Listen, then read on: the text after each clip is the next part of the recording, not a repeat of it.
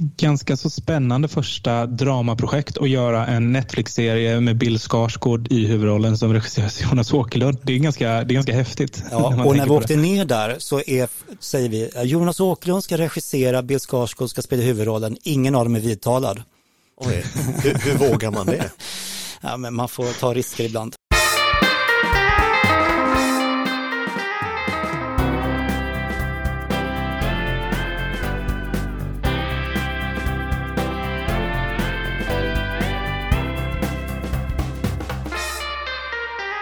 Hej och välkommen till Hemvändarpodden med mig, Stefan Lindén. Och med mig, Magnus Fransén. En podcast om hemvändare, människor som varit ute i världen, samlat på sig erfarenheter och vänt hem. Men de som kanske också är fortfarande ute i världen och kommer hem för att snacka med oss om lärdomar, livet, hur det är att växa upp i staden vi älskar, Oskarshamn. Kort sagt, en intressant, eh, intressanta människor, intressant podd förhoppningsvis för alla er. Eh, och eh, ja, dagens gäst Magnus, vem har vi med oss idag? Jo, men dagens gäst är ju Hans Engholm och eh, Hans och jag, vi känner ju faktiskt varandra lite grann sedan tidigare. Eh, inte så att vi hänger till vardags sådär, men vi har framförallt en hel del gemensamma vänner. Eh, vi delar en del ska säga, ungdomssynder ihop, eh, även om jag skulle vilja hävda bestämt att det var Hasse som stod för mest av syndandet. Men, så vi har en, en historik. Det här vill man höra mer om. Det, det kommer specialavsnitt på Darknet sen. Tack. ja. Jag är lite ovan alltså Magnus att höra din, alltså så att du redan har fått en radioröst. Alltså så här, jag känner inte igen det där riktigt men Nej. Eh, ja, jag kommer Nej. säkert vänja mig under den här timmen. Ja, vi hoppas på det. Nej men eh, eh, det jag skulle säga är att ända sedan du och jag började prata om, eh, ja egentligen innan vi började prata om att podda, så har jag ju velat sammanföra dig, Stefan och eh, Hasse, som jag är van att säga.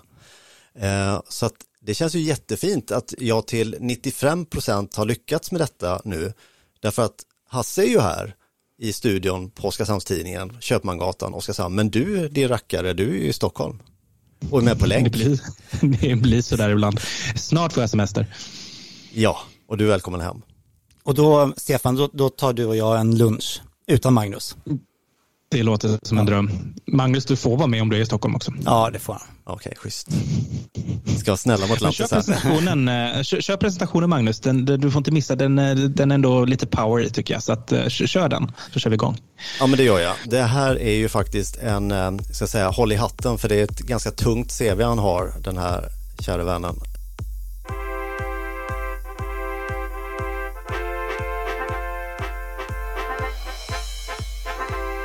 Så här är det. Han är Oskarshamnskillen som växte upp med popstjärnedrömmar. Halkade med perfekt timing in på nystartade medieprogrammet i Kalmar.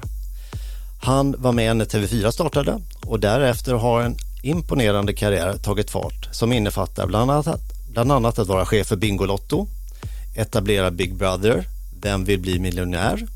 Han har startat och sålt bolag, chefat för iWorks, Warner Bros ITV Nordic och nu VD för Scandinavian Content Group som nyligen vann en Guldbagge för publikens pris med skräckfilmen Feed. Varmt välkommen till Hemvändarpodden Hans Engholm. Tack. Satt nästan i halsen. Tack.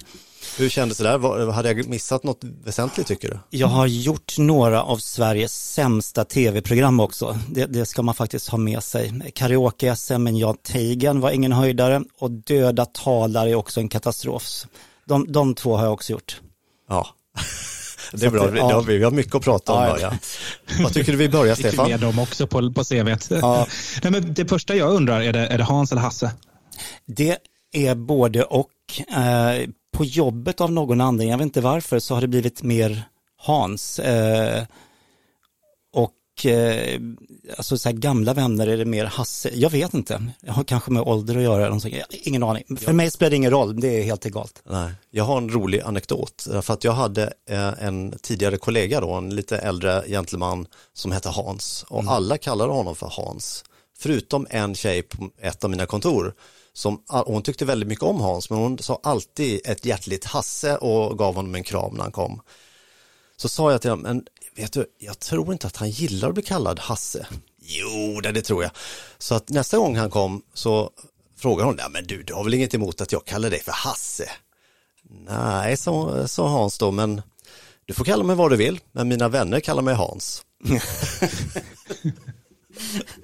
Jag kan väl inflika att jag märker en viss skillnad på om min fru säger Hasse eller Hans också. Hur jag ska lyssna. Eh, det är lite som, ja, men det är som ens föräldrar sa ens fulla namn liksom, när, man, när, man, när man var liten. Det, då är det, ja, men då är det skarpt läge. Då är det skarpt läge, ja. Eh, men jag tycker vi börjar, börjar liksom från början egentligen. Eh, uppväxten i Oskarshamn, hur var den för dig? Magnus nämnde ju popstjärnedrömmar, de vill man ju veta mer om. Um, ja, alltså hur det började kommer jag faktiskt inte riktigt ihåg. Jag köpte någon gitarr, eller drömmer inte alla om att bli popstjärna eller fotbollsspelare? Nu kanske det är mer fotbollsspelare, men då kändes det som det var mer eh, popstjärna. Sen krävdes det så jäkla mycket springande om man skulle bli stjärna, Oskarshamns AIK då, så att det, det var, där var jag inte lysande. Jag köpte någon gitarr och hittade några kompisar som ehm, hade samma intresse och eh, vi drog igång något punkband tidigt och spelade på Kolberga fritidsgård och sådana saker och det. Så det, det, var fantastiskt. Alltså det, det, att stå, det kan jag verkligen se tillbaka på med, ehm, med, med varmt hjärta. Alltså så att stå i en replokal framför allt, alltså några kompisar där man blir väldigt tajta. Eh, är, är jäkligt häftigt och ibland blir det, tycker man att det låter lysande också, i alla mm. fall för oss fyra. Mm. För andra kanske det var sådär, men alltså där, där började det.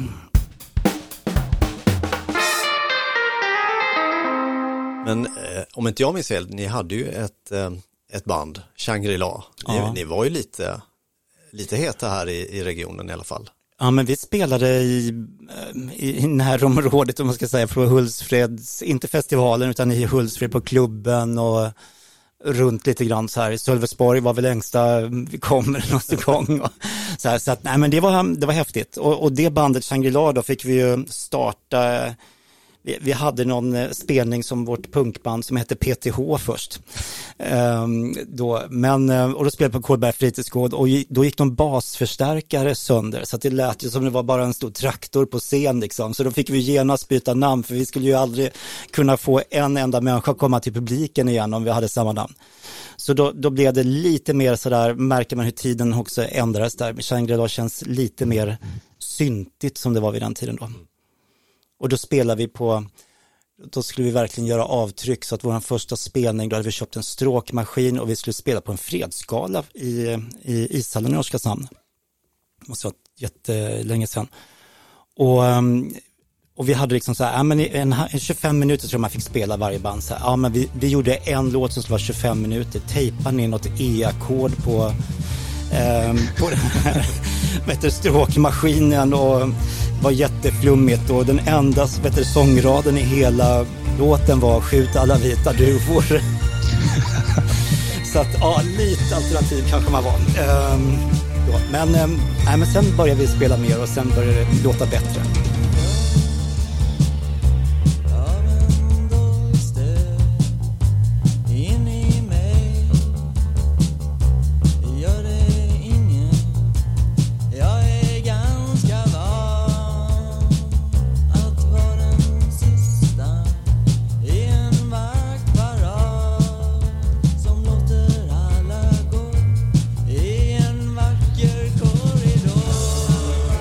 Eh, hur skulle du annars beskriva dig då som eh, ung, ung i Oskarshamn? Vem var du då? Alltså, ja, vem var man då? Nej, men man, man ville nog, alltså lite det här alternativa har alltid, alltså nu är man ju så jäkla, alltså standardgjord eh, eh, på något sätt format sig där, men jag, jag, kan ändå upptäcka att jag har försökt att tänka alternativt. Sen har jag nog aldrig dragit det där liksom hela vägen, utan jag har varit lagom eh, i, i, i, många saker, fast försökt att kliva lite utanför boxen. Eh, jag hoppas också, för det är någonting som jag har känt varit viktigt, att jag alltid försökt att vara schysst eller snäll också så här. Det är säkert man har gjort dumheter och sagt saker man ångrar för, det, det har alla gjort och det.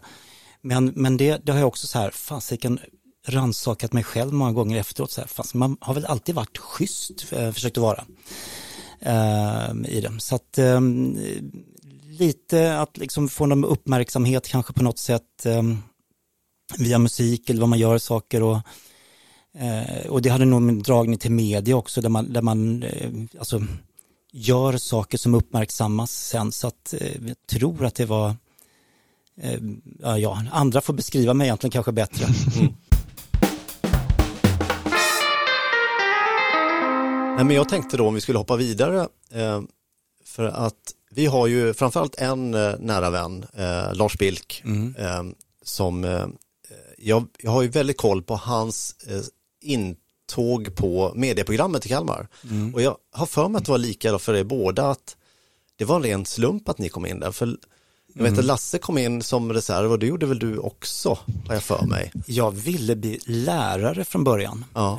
Um, för jag, innan då där så, så höll jag på och vickade en del i Oskarshamn här och tyckte att det var jättekul. Tycker jag fortfarande. Jag är på några mediaskolor runt om i, i landet och pratar och det.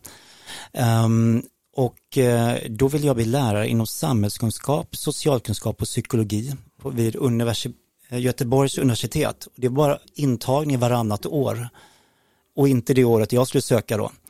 Och då hade det startat ett nytt eh, eh ja, mediautbildning i Kalmar, mediateknik, den har bytt namn tror jag nu. Ja. Um, och då höll jag också på att fuska lite grann här och eh, skrev musikartiklar för Oskarshamnsnyheterna. Och bara så här, nej men det där kanske jag skulle ja, söka till. Så att eh, slump, väldigt mycket som är slump, eh, har varit i mitt liv i alla fall. Så att då, då, sökte jag dit och jag kände inte Lasse, det skiljer ett år mellan oss då. Um, men vi blev ju jätte, alltså, jättegoda vänner där nere i Kalmar då. Ja, för det var ju så häftigt att ni kom in där lite av en slump då, mm. eh, båda två. Och sen hade ni ju en helt osannolik timing för vad hände sen när, när, ni, när ni egentligen var nybakade studenter? Ja, nej, men det, det, var ju, alltså TV3 då startade eh, och vi kom ut, nu ska jag säga, säga rätt, eh, 89 tror jag, från skolan där. Och då kom, jag fick jobb på SVT i Malmö, började redigera, nyhetsredigera, klippa tv-program där nere och eh, Lasse skulle göra repmånad tror jag, någonting sånt där. Och jag sa till honom så här, men du, jag skaffar, en, eh, jag skaffar en större lägenhet i Malmö så skaffar jag jobb till dig på SVT också. Så att, eh, kom dit efter du har gjort din repmånad. Uh, och det lyckades jag, så jag fick in Lasse där också som uh, redigerare. Så vi satt och klippte över varandra och så hade vi en trea i Kirseberg uh, i Malmö som vi bodde i. Sen eh, startade TV4 och då var det så att eh, en Malmöchef eh, där blev rekryterad till TV4 och han tog med sig mig och Niklas Grunewald som satt och i, ja, var nyhetsankare sen på, på TV4, driver ett annat mediebolag idag. Och då åkte jag upp, så att jag var, jag var nio månader tror jag i, i Malmö innan jag började på TV4 då, cirka ett halvår innan TV4 började sända. Så tajmingen var, alltså så här, det, det går inte att få bättre. Helt plötsligt skriker branschen efter alltså personal. Eh, och, och sen kommer man in i mitt i det här och ja, det, det är bara bananskal eller tur eller vad det är. Ja, vi har ju pratat tidigare avsnitt om sådana här sliding doors ögonblick. Det här ja. är ju verkligen sliding doors. Ja.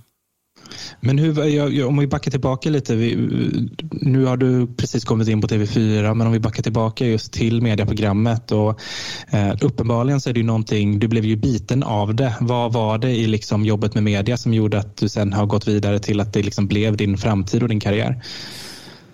Ja, men, eh, alltså så här, när jag höll på med musik och sådana saker så de andra som var i bandet kände man, ja men de var ju duktiga på det och begåvade. Jag kände ju inte liksom att det var, alltså man hade ju älskat att vara popstjärna men jag kanske inte hade liksom den där begåvningen som de hade. Eller där. Eh, men när jag kom in på det här och började jobba med rörliga bilder så kände jag så här, fan det här kan ju jag, eller, eller det här är jag bra på, jag fattar det och jag kan liksom se framför mig hur, hur, hur det liksom saker och ting ska bli liksom. Så att det kändes direkt väldigt, väldigt rätt. Eh, och jag vet att Lasse och jag då, för då blev ju han och jag liksom jättetajta och jobbade med olika projekt och grejer och alltid lite, eh, alltså åt sidan eller tvärtom eller göra någonting så här som jag eh, är, som jag fortfarande tänker eh, egentligen så här. Och, och lärarna uppmärksammade det liksom och eh, tyckte att vi gjorde väldigt spännande saker och det blev man ju ännu mer peppad av. Så mm. jag, jag, kände där att nej men det här är, nu har jag hittat rätt. Och tack vare ett bananskal. Häftigt. Det är, ju, ja, men det är, det är roligt när man hittar hittar rätt och vågar satsa och verkligen finna att man har den där fallenheten för det. Men då, då, vi liksom, då, då spolar vi tillbaka till där vi var i TV4 och hur var, det känns som TV4 när det var nystartat var en ganska häftig plats att vara på. Hur var, hur var atmosfären där? Liksom? Det, det var ju en eh, fantastisk skola och lekstuga eh, i det här. Eh, skola för att vi, vi eh, det fanns ju inte personal utan personal som kunde tv jobba på SVT och då hade man ändå rekryterat alltså ett gäng människor som var eh, kompetenta och hade erfarenhet. Och sen var ju tanken då att vi var ett gäng unga människor som skulle lära oss det här. Uh, och där jag vet jag, jag, jag anställdes av Lasse Weiss, klassisk uh, nyhets och tv-människa, senare vd för TV4 också. Jag kom in på hans kontor där han liksom sitter bakalutad i uh, fåtöljen och hans cowboyboots uppe på skrivbordet och vi var ett gäng redigerare och, och, där kan man en liten parallell till Oskar Samson här då Eh, det där har man ju slipat bort då, men, men eh, då var det ju så att man var lite mer alltså, blyg och eh, ärlig i vad man sa kanske så här. Så han frågade mig, kan du klippa? Jo, men det tror jag nog att jag kan, liksom säger jag eh, är eh, där. Och sen märkte jag att de andra som då var från Stockholm och från SVT och hade jobbat kanske några veckor eller månader eller ja, halvår där, liksom det så här. Jo, för fan, det där, jag kan ju verkligen det här jobbet till det. Och jag märkte ju ganska snabbt att alltså, nej men jag var ju mycket bättre och mer erfarenhet än vad de var, men man uttryckte det inte så. Och det tror jag liksom är tack vare att man är uppfödd här. Alltså så här, det är mer konkurrens där uppe. Det ligger fortfarande säkert kvar att man inte tar för sig på samma sätt om man kommer från Oskarshamn. Det där är lite, det, det där är lite intressant Stefan, eller hur? För vi hade ju en tidigare gäst, Amanda Adolfsson, som också är i er bransch så att säga. hon pratade precis om samma sak, att mm. Där att eh, man kanske inte tar för sig på samma sätt. Nej. Uh. Nej, men jag tror Jante är verkligen en sak som jag, ja. jag känner att Oskarshamn har jag vet inte om det är Oskarshamn i sig eller om det är den lilla staden i sig eller om det är liksom en generationsgrej men inpräntat det här med liksom Jante. Man ska, man ska veta vad man kan, man ska inte vara förhastad, man ska, ja men lite sådär, eh, mm. man ska inte tro mer om sig själv än vad man är. Och, och det är en ganska fin grund att stå på egentligen. Det håller jag med om. Alltså, så här, jag tycker också att det, att det finns något, något fint och bra i det. Ehm, eh, um, sen, sen, blir det kanske snett om man då helt plötsligt konkurrerar med de som inte har den bakgrunden. Och det är nog precis som du säger Stefan, jag, jag, tror att det både har att göra med småstaden och kanske också en generationsfråga. Att eh, nu, nu, har media gjort att liksom så här eh, från var, var än du kommer i världen så förstår du att du på något sätt alltså konkurrerar och tar efter andra, liksom att det är mer likt nu överallt.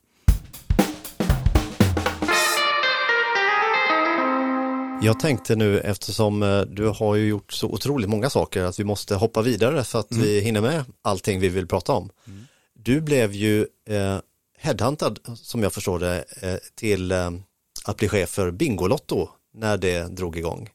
Stämmer det? Ja, eller? Inte, drog inte igång. Uh, ja, men det, det, är inte helt uh, korrekt. Uh, men, men ehm, jag, ehm, när jag, när jag började på TV4 där, då, då vill man ju göra som de flesta när man kommer ut från mediaskolor och det. Jag höll på med massa musikvideos och ville göra coola, coola och häftiga saker och här och då drog Bingolotto igång. Eh, våra chefer, eh, Jan Zachrisson och Lasse Weiss hade hittat det här programmet i Göteborg och sa så här, men det här är, en, är nog bra. Och jag, eh, så här, de sökte någon, någon som skulle vara ansvarig för exekutiv producent för TV4 för Bingolotto. Eh, jag förstod inte Bingolotto så här, fattar inte det här. Och alla andra på TV4 som i producentgänget på underhållningsavdelningen så här, nej, ingen vill ju röra det här programmet med tång. Och jag sa, nej men jag vill göra det, jag vill lära mig att fatta vad som är, varför det här är stort och alltså folkligt och funkar. Så att eh, då blev jag då ansvarig från TV4s håll för programmet och var så under några år. Ehm, sen blev jag tillfrågad 96 av Gert Eklund som grundade Bingolotto. Eh, där han eh, otroligt eh, begåvad och, och folklig person på, på ett sätt så här, fattar jag att oj, för vid den här tidpunkten då omsätter Bingolotto dubbelt så mycket som TV4. Alltså det är ett jätteprogram. Alltså det är enormt i alla aspekter. Och så här, det här kommer ju aldrig hålla. Vi måste liksom förändra och göra om så vi ligger före en eventuell nedgång. Eh, och då frågade han om jag ville komma ner och vara då eh, vd över produktionsbolaget som gör Bingolotto som heter G-television. Eh, så att eh, då hoppade jag på det eh, och åkte ner där. Då kunde jag ändå programmet och hade liksom förstått eh, en del och förstod att liksom så här, men vi, vi måste göra nytt. Så ett uppdrag från, till mig var ju då att eh, byta ut loket eh, vid den här tidpunkten att vi skulle ha en ny programledare. Och vi eh, försökte också att sälja programmet internationellt vilket vi lyckades med till några olika länder, ner till en del av Spanien och i en region av Tyskland och sen självklart till Ghana också. av alla platser. Av alla platser, det är klart man ska vara i Ghana och göra tv med GBC, Ghana National, vad heter de, Broadcasting Corporation. Ja. Så att, ehm, och sen sålde vi licenser eh, för väldigt mycket pengar. Bara för att de skulle köpa en option på programmet så kostade det en miljon dollar egentligen då vid den här tiden, Oj. vilket är enorma belopp. Problemet var att vi inte fick igenom, i Lettland satte vi upp det också, eh, programmet. Men hur gick det i Ghana undrar jag? Hur gick det, äh, men det, det är ju fantastiskt, för det där finns det ju filmer på liksom så här och då, då vi fick ju skicka ner personal dit för att de Alltså tekniken funkar ju inte riktigt och sådana här saker och all överbliven scenografi från Bingolotto skickar vi ner det så de skulle ha det. Så där nere i Ghana så är det Lokets lådor och grejer så här ursvenskt och det. Och det står en kille som är en kopia på Eddie Murphy och leder det här programmet tillsammans med eh, Miss Ghana bredvid sig som värdinna. Uh, och ingen trodde ju där nere liksom så här att det var då ett lotteri. Det började med faktiskt också en koppling till regionen, att en uh, kille som heter Jan Hake hade ett lotteri, han kommer från Kalmar, ett lotteri i Ghana som heter Wages Family Fun. Uh, han besökte Gert och Gert som är hoppar på allting galet då. Vi visste liksom att när han besökte Gert, nu blir det någonting tokigt, så Gert kom ju ut bara ur mötet sen, ja, vi ska starta Bingolotto i Ghana. Vi har köpt ett lotteri där nere. Och Nigeria ligger intill. Där bor det 100 miljoner människor. Dit ska vi. Det här blir stort. Det blev det aldrig. Eh, kostar en del pengar. Så att eh, det, det är fantastiskt kul att se hur um, um, vad heter det, den här scenografin som är så ursvensk eh, då står då nere i Ghana och gör det här programmet under ja, ett års tid kanske. Kommer tillbaka till Ghana senare i min karriär ska jag göra. Kul, ja, det vill Spännande, cliffhanger. Ja. Men alltså Bingolotto var ju verkligen hela Sveriges lägereld på den här tiden. Alltså det, det, är svårt att förstå. Jag tror ingen förstår hur stort det faktiskt var. Um, har du några roliga incidenter eller något, något kul eh, som hände att bjuda på från den tiden? Nej, men vi, vi um Ja, här, ja det, det, var verkligen jättestort, alltså över hela landet. Eh, man skulle skicka in sådana här delar av Bingolotten för att vara med i någon sån här returdragning och det. Och det kom ju liksom tågvagnar med, alltså med lotter. Så tur, ni hade lok, tur ni hade loket då. Ja, tur jag hade ett lok framför som drog det här. Så att, äh, men det, det var enormt stort då. Eh, och, och, loket och, och allting började bli digitaliserat och sådana saker. Han vägrade byta ut sin skrivmaskin. Så alla andra hade datorer, han satt med skrivmaskin. Eh, med, med, vilket jag kommer ihåg, vilket är en rolig anekdot, eh, med ett färgband som var helt uttorkat. Så att, och sen han, och Gert och han bråkar hela tiden då, för han trodde att Gert kommer köra det här i diket någon dag. Vilket Loket hade väl lite kanske rätt i också för att han satsar ju i allt Gert eh, då. Så på sekunden gick han upp och lämnade sin månadsfaktura. Uh, nu vet vi vad han fakturerade men det, det, gick inte att läsa på, på pappret han hade tagit ut ur skrivmaskinen för det var bara liksom så här blindskrift av tangenterna så här och så, det blev hål av nollorna för ganska mycket han tjänade i månaden. Så, så att, uh, nej men det var det är en fantastisk tid som jag är jättetacksam för. Och vi håller på också på att göra om det där då att vi slår in andra typer av artister, det skulle inte vara dansband.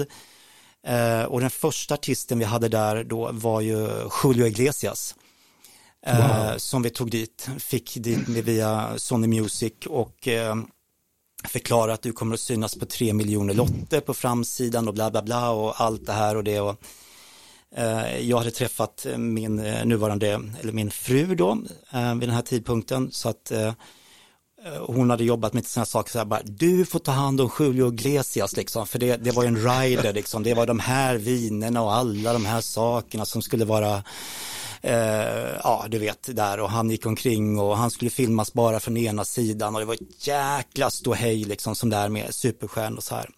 Eh, och jag vet ju att Linda liksom löser det där lysande så att efter sändningen så här så hade han förstått att jag var chef där nere och han, han sa då till, till Linda så här I have to meet your husband. Så jag gick ju ner dit liksom då och hälsade på honom så här You have to promise me, you have to make love every night. Yes, yes, of course. så han spädde på myten om sig själv och Julio Iglesias. Men efteråt har ju Robbie Williams, David Bowie och, ja men, you name it, har varit och spelat i Bingolotto. Det är helt sinnessjukt. Men men, men efter Bingolotto så, så tar du några ganska stora programkoncept i Sverige och det är ganska häftigt när man tänker på det. Alltså jag tänker främst på Big Brother och Vem vill bli miljonär? Kan du berätta lite om liksom den resan? Hur hittade du dem och, liksom, och ja, hur, varför mm. tror du det blev sådana succéer?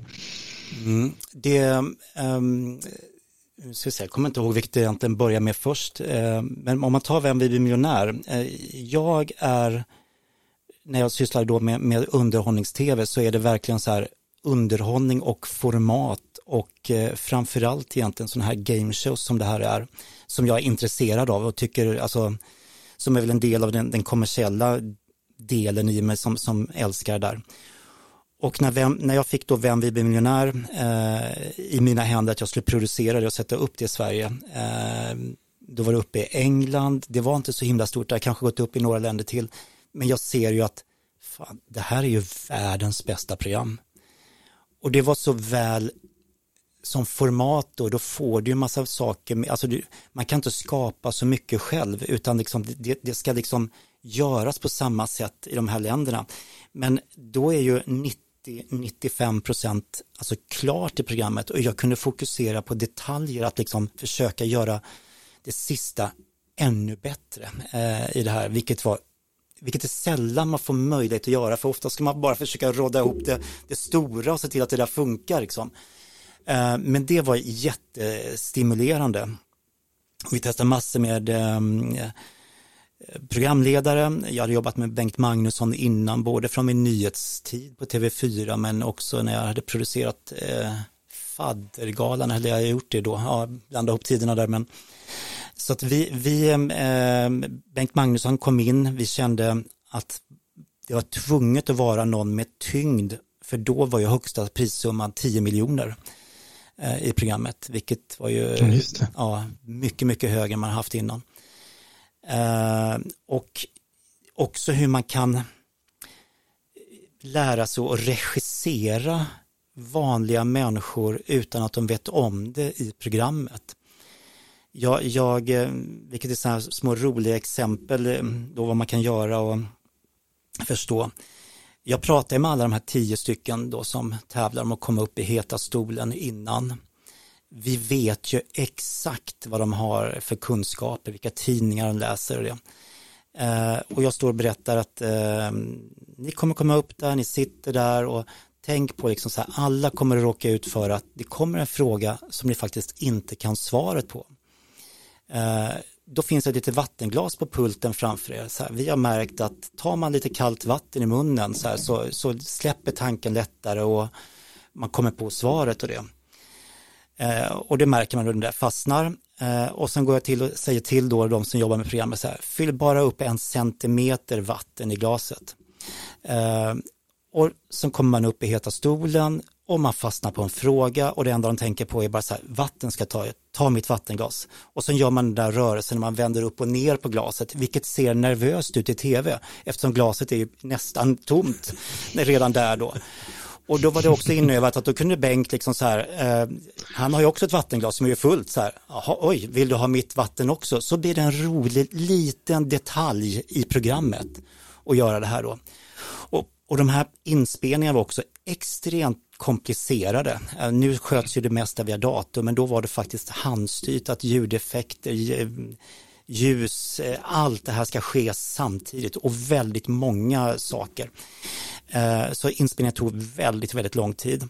Och jag talade om för sminkösen att bättra aldrig på sminket på den tävlaren som sitter i stolen. I tv-studio så blir det ganska varmt. Men Bengt ser ju alltid helt fläckfri ut och du vet så här matt i ansiktet som man vill ha i tv och det.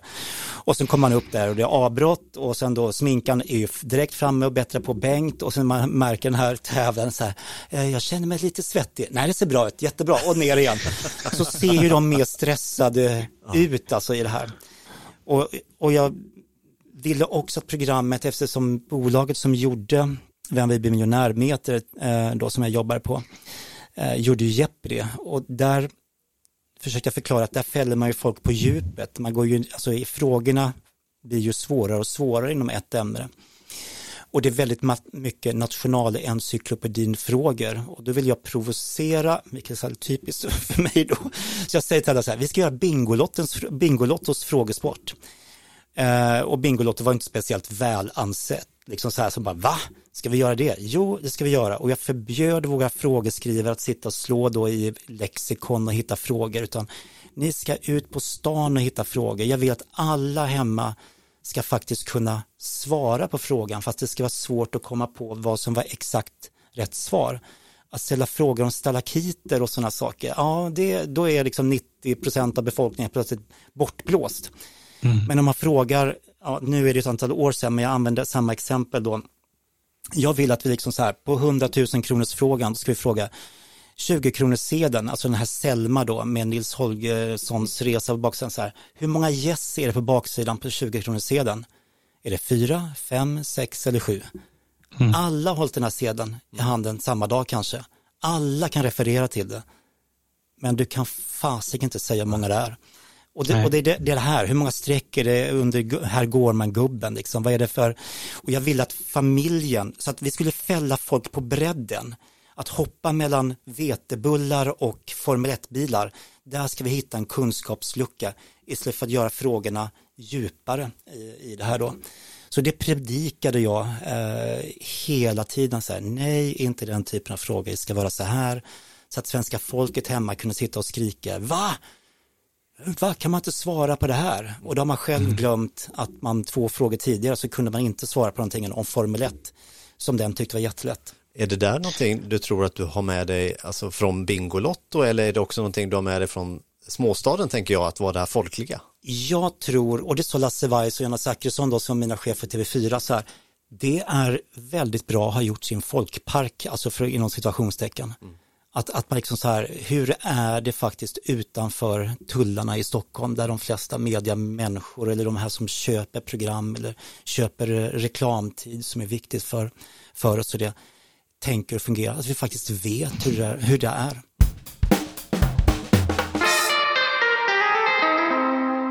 Men jag tänkte på det här, du nämnde i förbifarten eh, faddergalan. Jag har ju ett minne av att du också blev lite specialiserade just där med att producera galor, stämmer det? Mm. Det, det blev det, det blev väldigt mycket galor för mig och jag tror att det har att göra med, det är ju inte att jag är bättre eller sämre än någon annan att göra galor utan det är en annan typ av produktion. I princip spenderar man alla pengar på en kväll och då köper man trygghet. Har någon gjort det där och det har funkat så blir det så här, okej, okay, ska vi lägga x miljoner i någons famn så vill man inte göra det på någon som gör det första gången utan har man då kommit in i det eh, och det gäller självklart att hitta nytänk och sådana saker och det, det, så att det blev väldigt, väldigt mycket eh, galor för mig. Mm. Har du någon favoritgala då? Jo, det är en från Ghana. Vilken, vilken, vilken slump va? Wow. Nej men det, det, det, jag gjorde faddergalan då för en biståndsorganisation som eh, heter Plan International eh, under ett antal år. Och sen när man har gjort den i Sverige då så här flera gånger, så här, jaha, eh, vi måste göra någonting nytt. Kan vi inte sända den ut, alltså sända den från ett programland? TV4 var inte alls pigga på det där, bara så aldrig i livet var ju svaret till det. Så då gjorde de, eh, då, då gjorde den norska organisationen, sände det eh, då från och, Kenya, sände de det. Och det funkade och jag var nere vid inspelning och sådana saker. Så det var liksom vår idé. Men eh, det var tvunget att göra till ett annat land innan TV4 vågade göra det. Och då åkte vi till Ghana och kommer ner till samma tv-kanal som har sänt Bingolotto ett antal år tidigare. uh, och vi sänder hela galan live där ifrån en liten by utanför huvudstaden Accra. Och det fantastiska är att artisterna som vi har med oss ner då, och det, det är helt sinnessjukt, är Robin, Håkan Hellström, Lale, eh, Darin, Agnes och några till. Och de spelar live på en scen som vi bygger där nere. Och vi samlar in då, man, man blir ju faddrar, vilket i princip all, månadsgivare, vilket i princip alla organisationer har tagit efter nu. Att man har månadsgivare. Vi fick in 33 000 då, vilket är man brukar omräkna de här då att ja, men man stannar sex år i organisationer, det är så här mycket pengar så att det, det är ju många, många hundratals miljoner vi samlade in då. Mm. Och sen sände vi efteråt, har vi sänt ifrån Colombia och på flera platser och det, så att det, det var häftigt.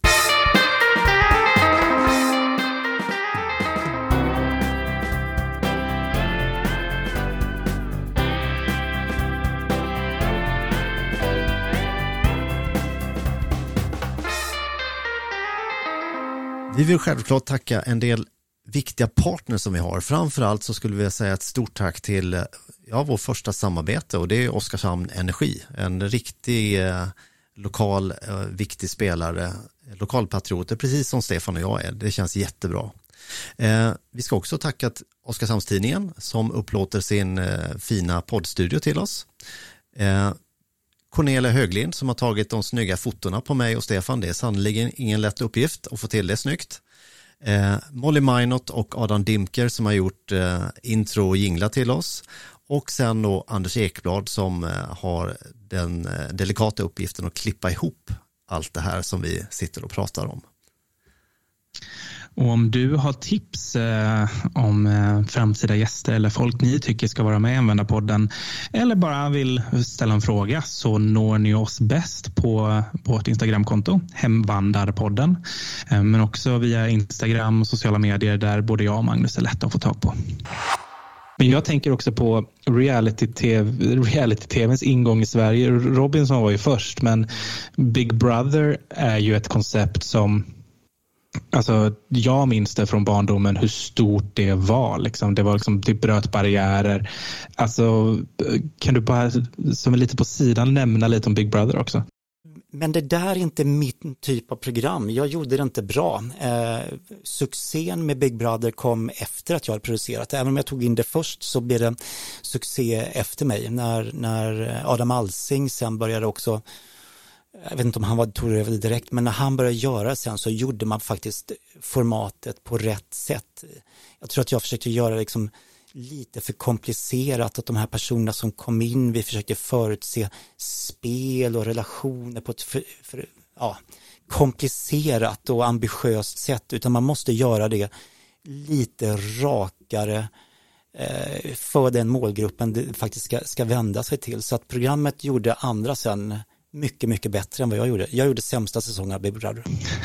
men du hittade det ändå. Det är ju, det är ju häftigt. Och, men vad tror du? Um, reality-tv var berörd lite. Det är absolut inte min genre heller, men jag vet ju många som kollar på det. Var, varför tror du att det är så framgångsrikt som koncept? Det, det, det, ska vara tillbaka till vad, vad, de andra efter mig gjorde i så fall, att det ska vara alltså enkelt och rakt och tydligt så man förstår det.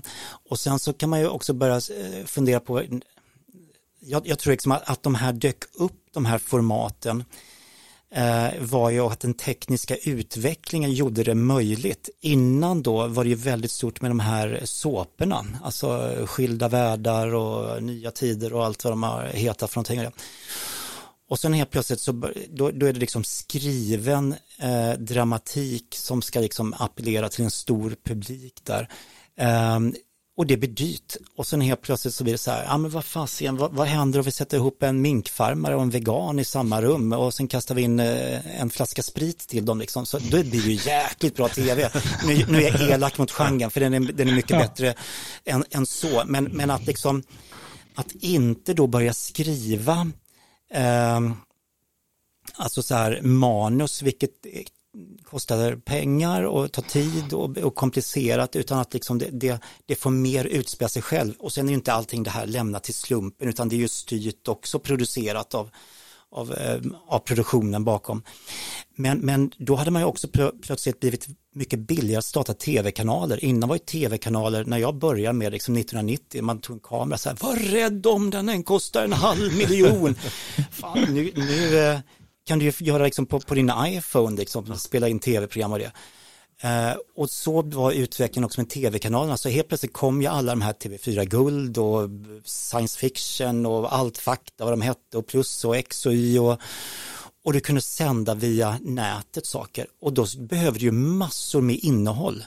Och då kan man ju inte ha manusskrivet innehåll, det blir alldeles för dyrt. Så att tekniken skapade format som var billiga och då fyller reality en, en väldigt bra funktion och ett jätteuppskattat, eh, som sagt, eh, genre också. Mm. Jag tänker återigen att vi ska röra oss vidare och nu får vi se om vi hoppar rätt i kronolog kronologin. Men du startade eget sen. Eh, mm. produktionsbolaget ja. hette produktionsbolaget. Ja. Jättebra namn, för så fort det står någonting i tidningar så här, produktionsbolaget bakom Robinson, det var inte vi som gjorde Robinson, men alla trodde att vi gjorde det. Så alla produktioner i hela Sverige trodde de att vi gjorde.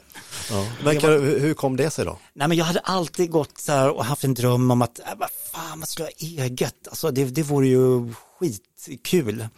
Uh, så att uh, jag lämnade, jag var nöjeschef på Meter då, lämnade det och utan någon plan eller strategi eh, så frågar jag en kollega mm, som jag hade jobbat lite grann med, med galer som kom från Ema Telstar eller Live Nation är det nu som man säger, som jobbar med musik och turnéer och grejer så här. Att det bara, fasiken, det står en, det, det, är en lokal ledig här på Södermannagatan på Söder. Ska vi inte ta den? Eh, jag kommer inte ihåg vad det var, 90 kvadrat någonting så här. Ja men vi gör det, ja herregud, så kör vi igång. Eh, ja och eh, börja sälja in program. Vi kunde ta med oss Faddergalan, och producera. Ehm, vi startade ett projekt som hette Golfresan som existerar fortfarande idag, men det, då, då var det ett tv-program. Ehm, och sen så byggde vi en sökmotor på nätet och skapade en, ett glossy gratismagasin med, med golfresor. För liksom så här, tillbaks kanske till det här att jag, att jag tycker om kommersiellt, att det, det måste liksom riktas till en publik att vi sa, vad fan en golf till grå guldet, det var ju jättestort med golf då. Dessutom spelade vi båda två lite golf eh, så att vi kunde kombinera jobb och nöjet eh, med det här. Ja, det är jättebehändigt. Eh, så det gjorde vi, vi gjorde Kungen och Silvias silverbröllopsskala från Drottningholm, vi gjorde Grammiskalor, vi gjorde Gyllene Tider på Ullevi och ja, startade L Aktuell, ett modemagasin på kanal 5 och L-galan sänder vi och ja, massor med galer igen i det där. Mm. Vad spännande, vad hände sen då? Um, sen blev jag restlös efter tre år. Jag bara, så att jag och Anders då som ägde det här bolaget tillsammans bara så här, men någonting måste hända. Så att eh, jag såg att det var ett holländskt bolag som eh, var på väg in i Sverige så att jag ringer ner till de holländska cheferna för det här bolaget då, som heter iWorks som precis har startat i Holland, i Belgien och Tyskland. Eh, och ringer och får tag i vd där nere och säger hej du ska köpa vårt bolag. Eh, så här, kan vi träffas? Eh, hur reagerade han när du sa det? Eh, jag kommer inte ihåg faktiskt. Jag var säkert så jäkla chockad och nervös själv. Men eh, vi träffades, eh, så jag hade några möten med dem och min kollega hade ingen aning, eller vi som hade bolaget ihop, han hade ingen aning om det här. Jag tänkte jag måste se att det blir verklighet först. Så att Anders satt där någon lunch och käkade någon korv med räksallad på grejer. Så, så jag tar dem så här, fan du, vi ska sälja vårt bolag. Han bara, va? Ja, men det är ett bolag som heter iWorks som eh, är på väg in i Sverige. Eh, de håller på, och ett lotteri som heter Postkodlotteriet är på väg in i Sverige. Eh, och, och, det var väl så då att jag hade jobbat med Bingolotto, förstod lotterier. Eh, vi ska göra det där. Så eh, tre månader senare skrev vi på papperna och vi sålde vårt bolag till iWorks och då blev vi iWorks i Sverige.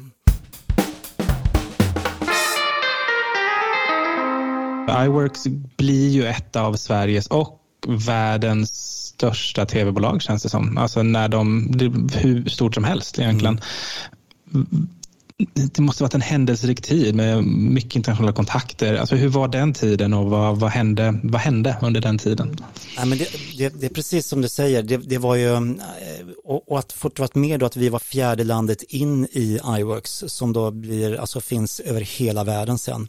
Vilket gör ju att man eh, alltså har blivit nära vän med de här grundarna och cheferna och extremt mycket internationella kontakter som var första gången som jag började få det då. Och som en, det, det är också en liten bransch både i, nationellt här i Sverige men även globalt. Så att helt plötsligt märker man ju nu att man så här, fast jag känner ju folk på tv-kanaler och streamers och produktionsbolag liksom över hela världen och alla flyttar sig och eh, en del åt sidan och kanske lämnar det och vissa har ju blivit liksom toppchefer som man kan kontakta. Så, här. så att det, det har varit otroligt nyttigt för mig. Jag, jag brukar, brukar säga att ehm, eh, alltså det som öppnade massor med dörrar då som ligger innan där men som skapade en, en, stor del av min karriär var att jag gjorde Bingolotto, Big Brother och Vem vill bli miljonär. Alltså så här, alla i Sverige alltså visst, visste om de här programmen. Så jag kunde liksom ringa vart som helst nästan. Mm. och så här, hej jag har gjort det här, kan, vi få, kan jag få ett möte med dig? Så var det så här, mm. okej, okay, det kan du, det, absolut. För det, det, var verkligen de största programmen, oavsett vad man kanske då tyckte om Big Brother och sådana saker, så var det ändå respekt för att det är ett extremt stort och vid den tidpunkten extremt komplicerat program också. Men jag tror verkligen det som du säger, kontakter man får med tiden och om man gör ett eh, bra jobb och håller sig i en bransch så det är ju precis det där som händer och det tycker jag själv man märker. Um, vissa människor har väldigt bråttom ibland men, alltså, och kollar uppåt väldigt mycket åt liksom, människor mm. som har gjort saker. Men jag tror att det är verkligen med generationen man själv är som man ska gå och växa tillsammans. Det är ju då man får den där kontaktnätet som blir väldigt, mm. väldigt viktigt för en. Uh, som också blir ens kontaktnät för evigt i och med att, som du säger, alla äh, gamla kollegor som numera är chefer och, mm. och, dess, och, och, så vidare. Liksom. Ja, och vara schysst mot alla. Alltså, man måste ju ställa krav och sånt, det är ju självklart. Men, men gör det på ett schysst sätt. För eh, skäll inte på en praktikant för två år senare så står du där med mössan i hand och ska sälja saker för då är det en chef eller beställare någonstans. så att ja. det, det, ta hand om dina kontakter. Mycket bra råd faktiskt. Jag tänkte bara en, eh, eftersom vi ändå kom in på det ämnet lite grann. Har du, du har gjort en otroligt häftig karriär, vi har lite kvar att beta igenom innan vi är i mål. Men har det varit, var det från början liksom ett mål du hade att landa sådana här typ av positioner som du har haft? Jag mm, var mm, eh, på, på ett jobbintervju för några år sedan på ett så rekryteringsbolag som ville träffa mig. Jag fick inte jobbet eh, och det kanske var jätte, det var nog jättebra. Eh, men, men när hon gick igenom min karriär då från, hur ska vi säga, inte underhållningsperspektiv som det, det här är, utan de sitter professionellt och tittar på den, så, så börjar de säga, ja du har ju cykler i ditt liv, liksom så här. Eh, och, och så här, ja, och det kanske är att liksom så här, ja men nu är jag tröttnar på någonting, så att, eh, och då vill man göra någonting annat. Så jag, jag är nog, luststyrd eh, och jag tror att det är bra att man gör saker av passion och lust. Om, om, nu ambitionen är att man ska göra karriär så tror jag att det hjälper en i så fall i, i karriär, att man inte bara sitter och spekulerar i vad, vad som är rätt steg eller bästa steg, för jag tror man måste ha med hjärtat om man ska göra det bra. Mm. Bra sagt. Det, det lät lite floskligt. Ja, men det... Nej, men floskler är bra. Nej, ja, jag håller med dig. Helt rätt. Eh, det, det är ett jättebra, man ska ju verkligen följa magkänslan och hjärtat. Liksom. Mm. Det, det, är en, det, det, men men nu, då är vi egentligen, nu tar ju dig då magkänslan och hjärtat vidare till ITV. Eh, mm. Och vad var det som gjorde att du hoppade på det uppdraget? Ja, det var en bra fråga. Vad, vad var det kan jag ha gjort? Det var ju också sån här headhunting-process och intervjuer och de kontaktade mig och eh, jag trivdes ju bra på iWorks. Eh, men sen när man börjar en sån här process så bara, då sätter hjärnan igång, bara fasiken det här är jättebra. Bolaget heter Silverback då, eh, som är en, en, en, legendar, verkligen skapat av en legendar här i Småland inom tv-branschen, Anna Bråkenhielm som är en god vän. Um, och de hade, hon hade ju liksom fått Robinson stort, det är inte hon som har skapat det men det är verkligen hon som gjorde att det faktiskt blev den här internationella succén och det. Um, hon har lämnat där och det ägdes av brittiska ITV och det hette Silverback och så vad fasiken vi ska ju liksom branda om det. Jag, hade, jag var Norden-vd, det fanns bara i Stockholm. Uh, tyckte att det verkar spännande, så här, kan man förvärva bolag runt om i Norden för att bygga någonting större? Eh, så det var, det var nog den delen, då, då klev jag längre ifrån programverksamheten kan man säga, utan mera in på alltså ledarskapschefsbitar eh, i det. Men, men, vill ha med mig att man kan göra det på ett kreativt sätt, alltså så bättre ekonomer och jurister och sådana saker. Ja, men det finns ju, ja, vi satt på Söder, brukar jag säga, så det finns det ju flera tusen som är bättre än mig bara i närområdet här och mm. göra de här sakerna. Men att försöka hitta kreativt hur, hur, eh, hur, hur vi skulle liksom lilla, lilla ITV Studios Nordic skulle bli viktigt inom ITV som är en jättestor global spelare som omsatte vid den tidpunkten 50 miljarder, någonting större. Som liksom, hur kan vi bli viktiga i det? Hur gjorde ni då? Eller hur blev ni viktiga? Nej, men det, det, det blev, um, jag satt med i någonting som heter Senior Leadership som är de högsta eh, hundra cheferna i världen på ITV och jag hade en presentation i London skulle jag ha för alla de här cheferna då när jag var nyanställd och liksom snabbt försöka formulera någon idé och, och lagom bra floskler och sådana saker och det. Uh, nej men, och, och, sanningen är väl den att, um, och jag hade fått frågan när jag var i London innan då, alltså här, uh, om, om varför är Sverige eller Skandinavien så kreativt? Alltså så här, inte bara att vi är kreativa, utan varför? Och bara så här, varför, varför är vi det? För jag är väl som de allra flesta så här, tror inte att det är någon skillnad på människor över jorden, utan det måste ju vara någonting annat här som gör att, och de refererar till Spotify och mode och musik och tv-format, alltså massor med sådana saker där vi sticker ut eh, med det. Minecraft och allt vad det kan tänkas vara det. Uh, och, och, jag, och då kom jag från iWorks um, och hade varit med där som är holländskt, som är mer europeiskt styrt, eh, väldigt hierarkiskt. Jag var kreativ chef och när jag lämnade så fanns iBox i 20 länder och vi kunde stå med något nytt tv-program nere i Holland och 19 kreativa chefer sa det skulle vara blått här i studion. Men storchefen i Holland, den kreativa chefen, han kunde säga liksom, att det ska vara rött och då blir det rött eh, i det här. Och jag tror att det dödar kreativitet. Alltså vi, vi har platta organisationer, vi är ohierarkiska, eh, vi är prestigelösa så att även vem som helst i organisationen kan säga till chefen eller vdn, vad man nu ska säga så här, jag tror att det här är bra. Så som ja, ah, fan det där var ju klokt, det är klart vi ska göra så. Medan du i många andra länder, på grund av hur det är uppbyggt hierarkiskt och strukturellt inte våga säga det. Du säger det som du tror att kanske chefen vill höra istället. Mm. Så att det, det, där tror jag är, är, är, jag vet inte, men det är min uppfattning om att liksom varför det här är bra. Och, och så förklarar jag det i London då på det här mötet mm. och berättade också att vi, vilket gör att vi, det hade kommit fram massor med svenska tv-format. Det ska vi fortsätta göra vi kunde behålla rättigheterna på tv-format i Sverige, vilket det var svårt, framförallt i USA, det är omöjligt, och då tar genast då tv-kanalen över rättigheterna om de ska sända en ny idé. Eh, i det här, så att det var också viktigt. Och vi är en fantastiskt bra referensmarknad, alltså så här eh, då, då, då liksom så här, vi är en kopia av hur England ser ut, bara att vi är bara en ja, tiondel så stort eh, egentligen då med en stark eh, public broadcast, en stark kommersiell och ett par andra kommersiella kanaler. Så att gör vi och får upp program sända i Sverige så är det en, en relevant referensmarknad till resten av världen. Det, det är inte eh, ja, landet eh, långt bort i stan bara för att säga någonting då, alltså så här, där, ja det här har gått jättebra där och sen vet hela västvärlden inte om så här, oj, det, kan jag referera till det, funkar det här? Och, men säger man Sverige så blir det så här, ja ja, där finns ju Idol och alla andra saker och Come Down With Me och liksom, det innebär att det här programmet borde funka där också. Och det köpte ITV. Att liksom så, här, mm. så att vi fick skapa och lyckades skapa många tv-format som faktiskt finns med då i, i katalogen på, på ITV och har, har gjort där. Och sen så förvärvade jag bolag runt om i Norden. Eh, och, och byggde upp en, så det var, det var svinkul, jättekul. Häftig resa, otroligt låter det ju.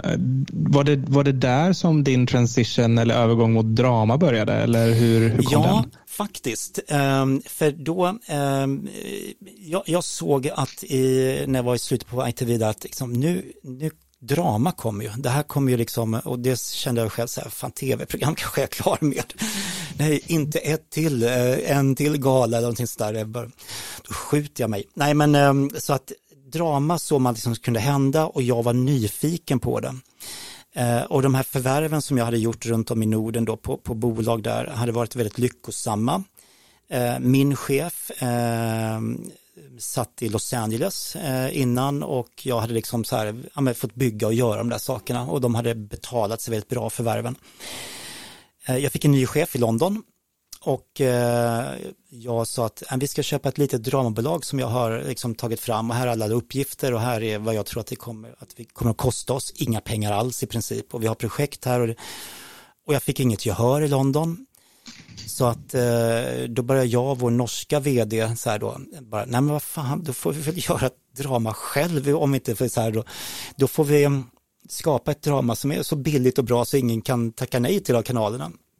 Så att, eh, och nu ska jag inte ta förtjänst av Elda som har gjort det i Norge, utan, men, men då gjorde vi AB Bergen, eh, ett eh, rättsdrama som utspelar sig i Bergen kan man säga, eh, som gick upp på Viaplay ett par säsonger. Och sen fortsatte jag tjata om att vi skulle köpa det här lilla bolaget då eh, i, i Sverige och fick nej och eh, då kände jag att, eh, och jag tror att min nya chef i London kände att vi, vi är nog klara med varandra. Så att eh, då lämnade jag och hamnade i Garden Leave, vilket man önskar att alla fick göra eh, någon gång i livet. Att jag mm. satt med fullt betalt i ett års tid och fick inte jobba. Um, då för att konkurrera med någon verksamhet. Så att jag satt hemma och skapade appar tillsammans med kompisar och filade på idéer och sådana saker. Och när jag fick då börja jobba igen eh, efter ett år, då var jag genast på det här bolaget eller producenterna. Börje Hansson heter han, som är nu då en av delägarna i Scandinavian Content Group där jag jobbar just nu och som skapade Filmlans och som gjorde de 25 första Beck-filmerna Tomten i barnen, Grabben i graven bredvid och George Clooney på CV och Spöket Laban och Jönssonligan och you name it. Så en legend helt enkelt skulle ja, man kunna säga. Jag det, som det, det, det är helt, det är en... Eh, ja verkligen, fantastiskt.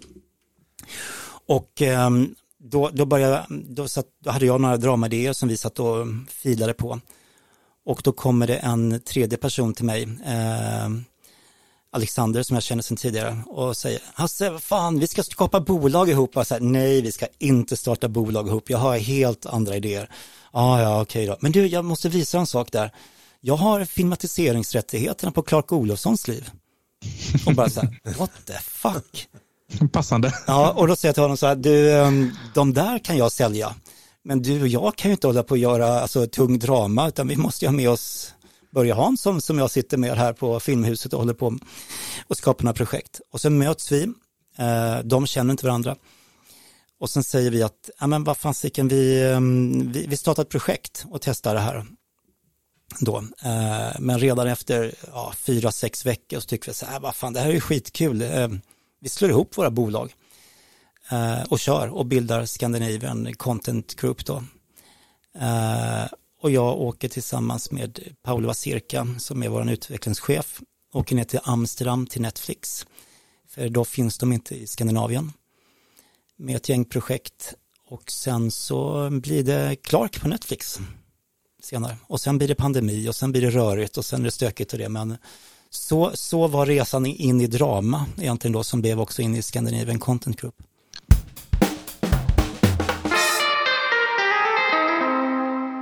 Ganska så spännande första dramaprojekt att göra en Netflix-serie med Bill Skarsgård i huvudrollen som regisseras Jonas Åkerlund. Det är ganska, det är ganska häftigt. Ja, när och när vi åkte det. ner där så är, säger vi Jonas Åkerlund ska regissera, Bill Skarsgård ska spela huvudrollen. Ingen av dem är vidtalad. Oj, hur, hur vågar man det? Ja, men man får ta risker ibland. Nej, men det, det, det, vi sa inte heller att de var, alltså så här, men så ville vi göra det. Mm. Eh, och eh, vi kontaktade Jonas eh, omgående och han sa ja direkt.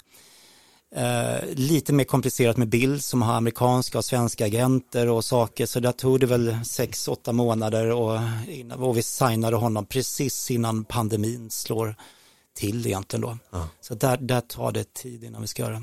Hur har det gått för serien om Clark då? Nej, men det, det är ju fantastiskt. Ehm, det, det, vi skulle egentligen ha gjort två säsonger från början, var tanken. Sen blev det pandemi då, sen skulle det vara en säsong på åtta episoder, sen blev det ännu mer pandemi. Så blev det sex episoder i det här. Ehm, serien är lanserad över hela Netflix-världen i ja, knappt 200 länder och den har varit topp 10 i eh, ja, knappt 50 länder och eh, alltså det, det, är en jätte, det är en jättesuccé. Ja, fantastiskt. Ja, ja det är coolt. Men eh, som man har sett nu då så är ju tydligen skräck den nya grejen i ditt liv. Ja, jag hatar skräck. Det, det är så, det var en fråga jag, hade jag vill, jag vill se romcom. kan man inte bara se något behagligt och bara... Ja, jag är helt med dig. Mina, fasiken, jag, ja, mina döttrar vill se skräck, jag, jag, jag får mardrömmar tror jag. Ja. Men eh, hur kom det sig att ni hamnade i den genren då? Jag får skylla på min dotter, då Julia, som nu är 16 år. Uh, hon, ja, hemma någon gång så började hon prata om spökjakt och Joakim Lundell och och då mm, såg, mm, så, ja, vad är det här då? Ja, YouTube. Jag visste ju vem Jocke var och allt det där och att spökjakt var en succé och sådana saker. Sen började jag titta lite grann på det här med när hon visar datorn. och så bara, vad fan, jag tror YouTube-klipp var sju minuter, nu visar man hur gammal man är. Så här, jag tror de skulle vara max sju minuter långa. Fan, det är en och en halv timme, liksom så här. Va? Fem miljoner visningar? Det finns ju ingen film på bio som har alltså så mycket ja. visningar och grejer. Det här är långfilmer han gör. Och då hade jag kontakt med hans eh, manager, Stefan, eh, precis innan vi kände inte varandra. Så att han, jag och Stefan käkar lunch i, eh, på NK i Stockholm. Och vi säger, nej men vi ska göra mm, skräckfilm med, med Jocke. Eh, låt oss börja. Och eh, så möts vi och börjar prata om det här och eh, så gör vi feed eh, då och ehm, och nu kommer jag in på de här sakerna som jag, som jag tycker är kul då, att göra saker annorlunda. Och då hade inte jag gjort, ja, vi hade gjort Clark då, men vi hade aldrig gjort en biofilm och sådana saker. Och vi skulle möta biodistributörerna och, eh, då, eh, bland annat den där, ja, nu jobbar inte du på distributionssidan Stefan, men SF mm. och Nordisk Film och mm. Scandinavian Films och allt vad de heter det. Och, så, äh, och jag gillar att pitcha idéer, att sälja in idéer och göra så här. Så vi, vi ska vi ska inte prata om innehållet. Vi ska skita i att prata om vad det här handlar om. Vi ska bara förklara varför det blir en jättesuccé. Så hela vår pitch gick ut på att förklara varför det här kommer bli en jättesuccé. Och vi sa vi kommer aldrig vinna några priser men vi kommer få en jäkla massa folk på biograferna. Ja, men vad handlar det om? Det är en skräckfilm, det blir jättebra, skit i det. Det här är bla bla bla. Så, och alla, alla distributörer ville ha det. Eh, så vi lyckades med det. Och ehm, och vi fick upp den där filmen eh, då med, med ett team som jag tror att 60% aldrig har gjort film innan för vi, vi har en tanke om att vi vill göra drama på lite nytt sätt. Vi äger vår teknik. Eh, den är byggd som en eh, tv-buss fast en dramabuss där, ehm, där vi kan korta ledtider, göra om saker, att vi, vi vill vi pratat om, vilket är ett slitet ord, liksom arbeta disruptivt inom alla delar inom drama. Inte att vi kommer in och gör som alla andra, liksom, då, då bidrar vi inte med något sätt i det. Och det kunde vi göra för första gången med feed. Vi hade våran teknik när vi gjorde Clark också, men Jonas vill ju arbeta på sitt sätt, så där kan vi inte liksom mm. applicera vårat sätt. Så att vi, vi förklarar med, med när vi gör de här projekten nu då själva till regissören att du måste arbeta så här. Vill du det så får du jobbet, annars tar vi någon annan. Eh, det, måste bli producentstyrt när vi gör kommersiella filmer. Vi, vi gör filmer också som ska vinna priser och det och där kan man arbeta på andra sätt men i de här som ska generera publik så måste vi försöka tänka på ett annat sätt. Nu, nu, nu är vi inne på ett ämne som jag såklart brinner för. Det är här vi ska prata lunch sen. ja, absolut. Men, men Feed vinner ju biopublikens pris. Mm. Det var ju storslaget. Eh, debuterande regissör Johannes Persson, mm. otroligt roligt för honom. Eh, ni har Carousel, ni har Cancelled på gång. Så det kommer mm. liksom, ni, ni fortsätter göra den här genren och liksom blir ju då Sveriges nya skräckmästare skulle man kunna säga. Men jag vill prata lite, gå tillbaka till folkligheten och, och liksom bios fall och så som vi befinner oss i just nu.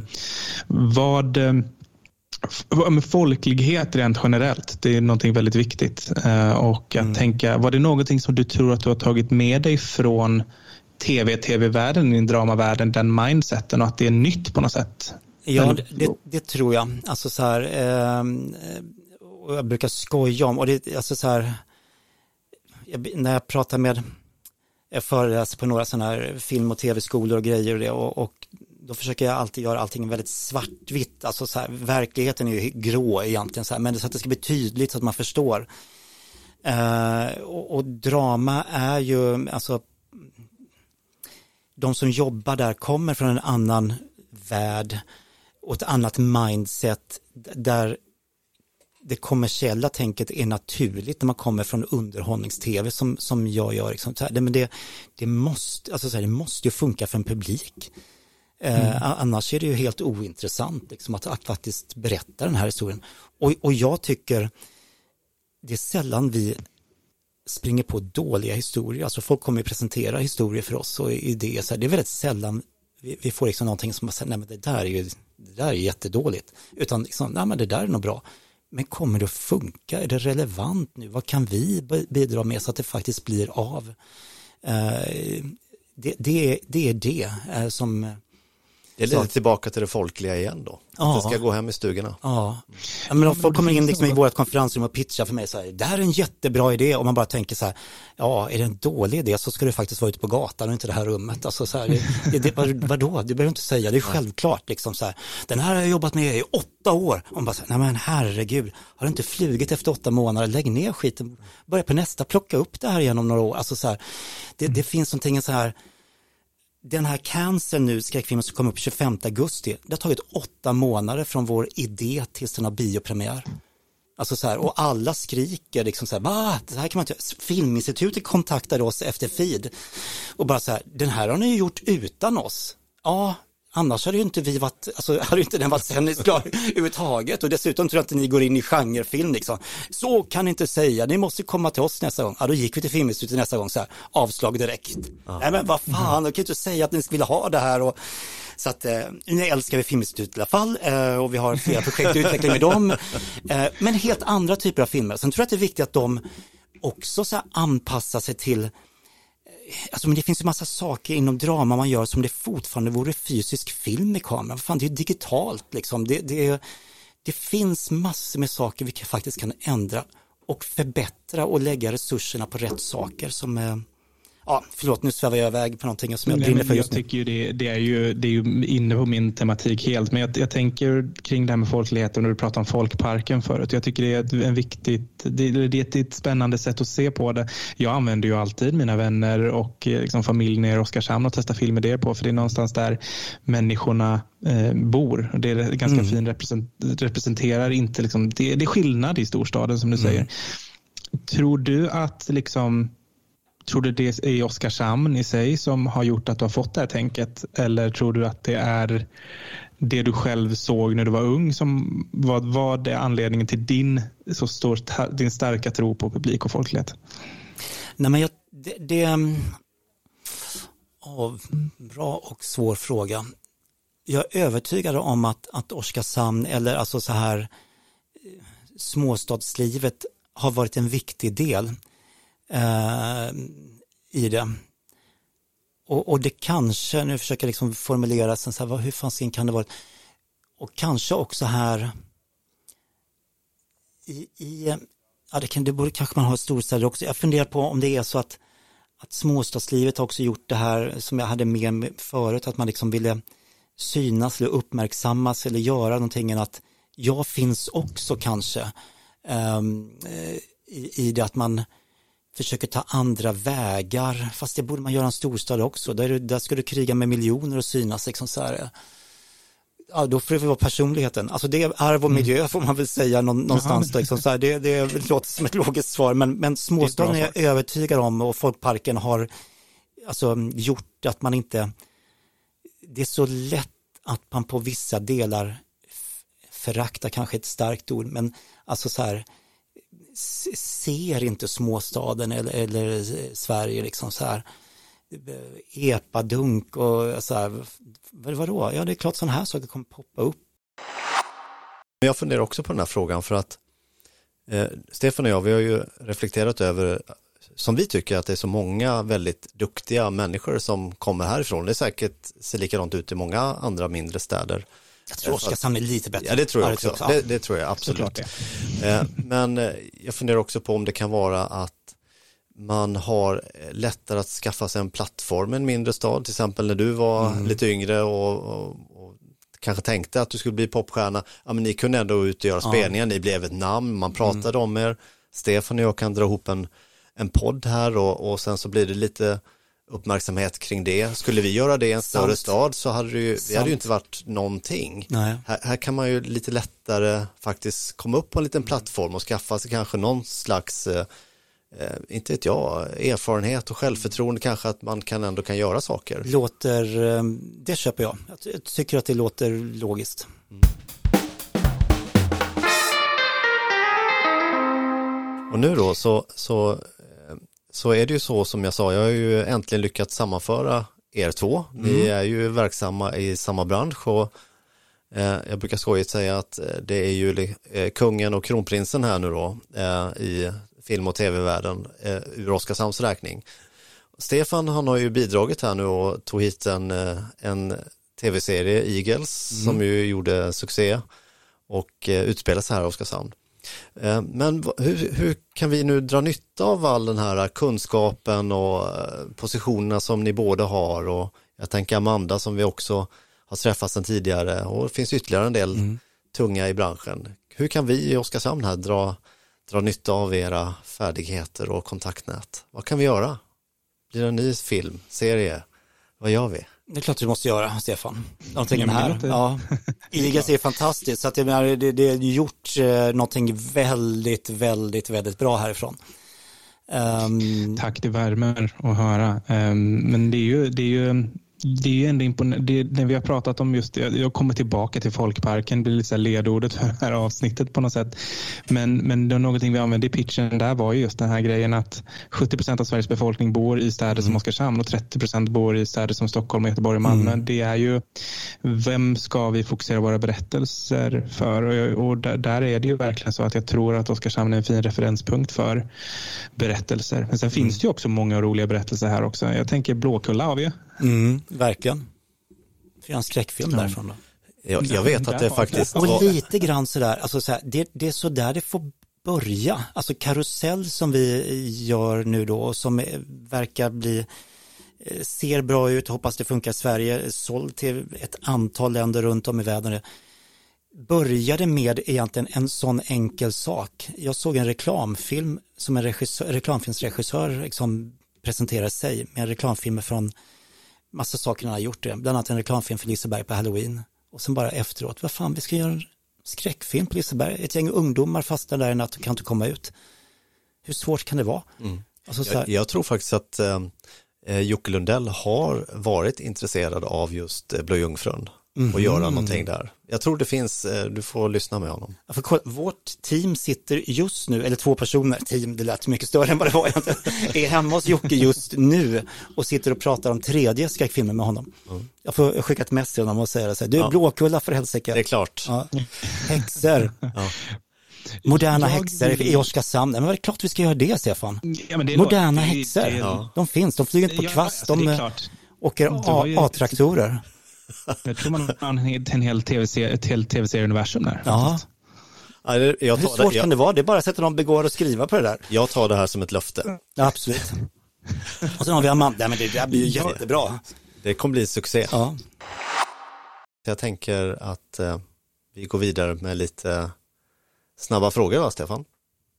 Ja, men precis. Vi har lite snabba frågor. Eh, tack Hasse för det här samtalet. Det har varit otroligt kul och spännande. Eh, men eh, det här är liksom några frågor där vi tänker att jag kommer ställa ja, typ tio snabba frågor. Eh, tio snabba, de behöver inte vara snabba, men, eh, men försök svara så fort du kan. Okej. Okay. Och det första som kommer upp.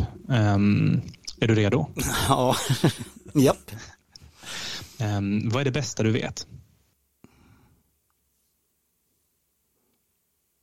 Nej, men när man är i ett flow, alltså så här med idéer eller passion, man kommer på, fan det här blir bra, så här ska vi göra, den här, alltså det, det är ju ett, ett rustillstånd som är magiskt. Och det behöver inte vara jobb, det kan ju vara alltså, privat på något sätt, men bara så här, fasiken så här. Och, och sen om man känner att det är lite nytänk i det så, så, så går jag igång på det. Ja, men det tycker jag är häftigt, det är riktigt eh, häftigt.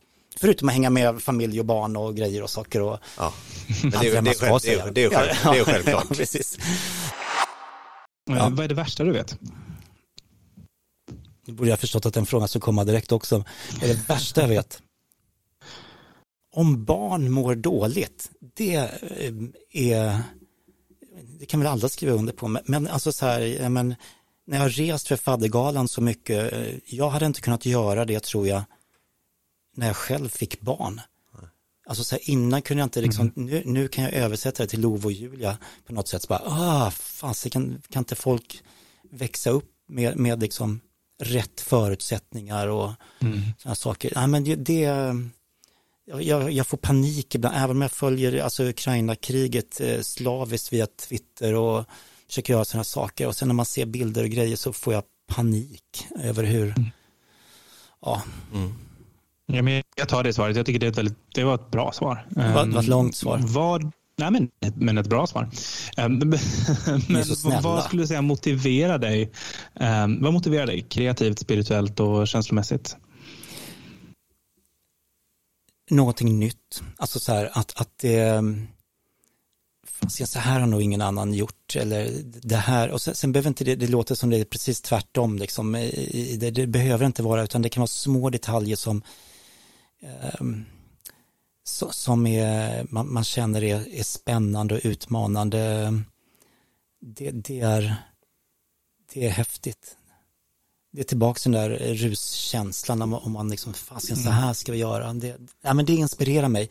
Människor som kommer då och, och, och bidrar i den där processen. Att liksom, så här kan vi göra. Vi behöver inte göra precis som allting är gjort innan och sen finns det inget självändamål att göra tvärtom i alla saker. Det, det blir inte bra heller. Om, om du inte jobbade med det du jobbar med idag eller inom den bransch du jobbar inom, vad skulle du jobba med då? Arkeolog. Wow. Ja, men det vet jag att jag... den här hörde jag, den kommer jag ihåg att Amanda fick den här frågan. Och sen så satt jag med eh, barnen i bilen på väg ner hit till Oskarshamn nu här då. Och sen vet jag att då börjar min dotter prata om, eh, för hon ska in på gymnasiet och jag vet inte hur hon kommer börja prata om arkeolog, för vi har pratat om det innan så här, där vi alla egentligen så här, fasik, jag är historieintresserad, jag tycker historia är jätteroligt och spännande och sådana saker. Arkeolog hade varit häftigt. Coolt. Um, och vilket jobb skulle du absolut aldrig vilja ha? Ja, oj, svårt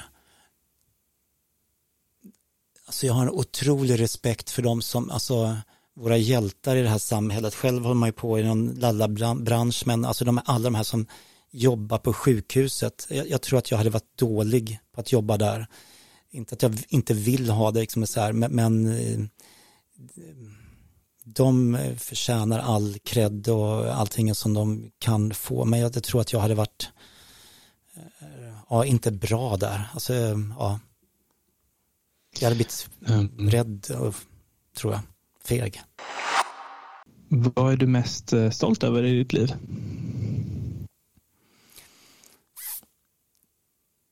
Ja, alltså det, det är självklart alltså familj och barn eh, i det, det, Och det säger väl andra. Jag försöker hitta på liksom så här, vad, vad, finns det mer utöver det? Alltså så här, för det, det är ju verkligen ja, men det är ju så coolt och häftigt. Eh, alla sätt. Men vad kan det vara mer som jag är stolt över?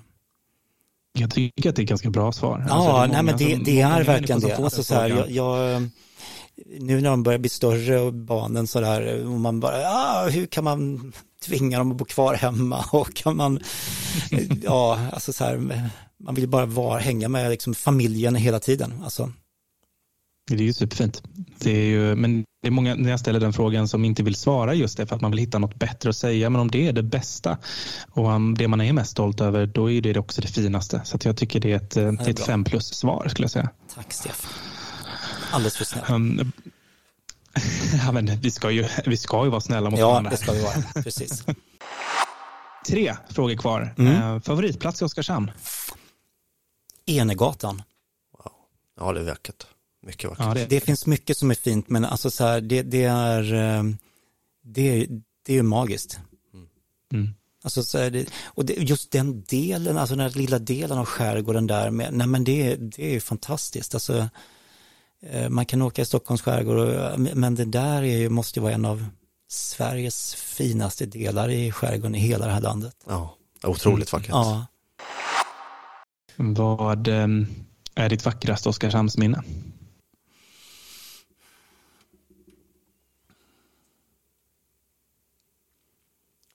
Vi klipper bort de här ja, ja, ja. Lasse. Sa han det snabbt? Har han somnat nu liksom så här? Nu gick han ut, nu gick han på toaletten. Uh, nej men, uh, vad kan det ha varit, när var det här, alltså um, tänkte jag också på här för uh, inte så länge sedan. När var det här jättesnöovädret?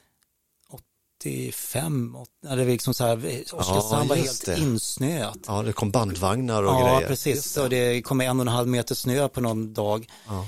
Uh, och vi gick hem till någon kompis, gick, vi kröp väl på snön eller vad vi gjorde för att det gick inte att, att gå.